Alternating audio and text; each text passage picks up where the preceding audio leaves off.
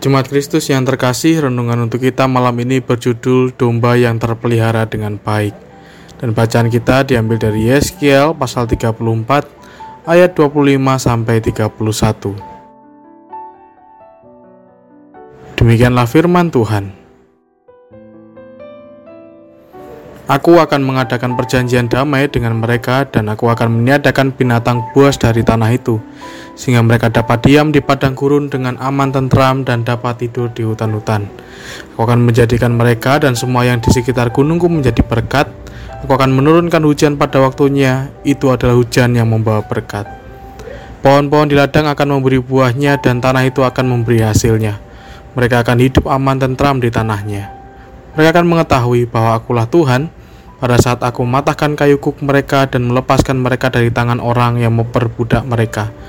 Mereka tidak lagi menjadi jarahan bagi bangsa-bangsa dan binatang liar, tidak akan menerkam mereka, sehingga mereka akan diam dengan aman tentram dengan tidak dikejutkan oleh apa pun.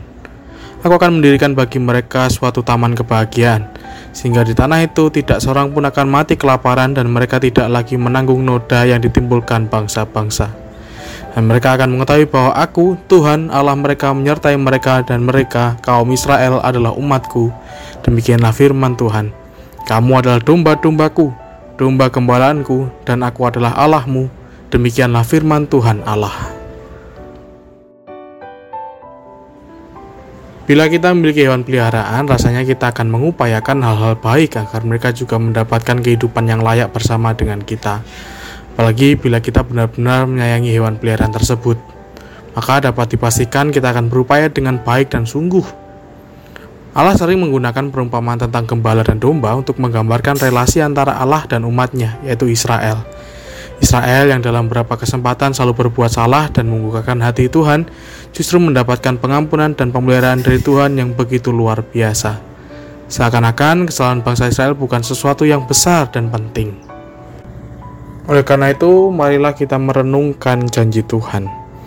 Memang betul secara khusus janji ini dinyatakan kepada bangsa Israel. Tapi kita pun adalah orang-orang yang juga beriman kepada Allah melalui Kristus. Dengan demikian, janji ini juga berlaku bagi kita. Yang menjadi penting sekarang adalah apakah kita menyadari dan mensyukuri pemeliharaan Allah seperti yang digambarkan dalam bacaan kita tersebut. Ini yang kadang menjadi tidak mudah. Karena pergumulan dan kesulitan yang sedang kita hadapi, kita menjadi lupakan pemeliharaan Tuhan. Kita lupa bahwa bila sampai hari ini kita masih bisa berdiri, itu semua karena Tuhan saja, bukan karena kekuatan kita sendiri. Oleh karena itu, ingatlah selalu bahwa kita adalah pribadi yang dikasih Tuhan. Syukuri itu selalu. Demikian renungan malam ini. Semoga damai sejahtera dari Tuhan Yesus Kristus senantiasa memenuhi hati dan pikiran kita Amin. Jemaat yang terkasih, mari bersatu hati untuk menaikkan pokok-pokok doa yang ada dalam gerakan doa 21 GKI Sarwa Indah. Mari berdoa.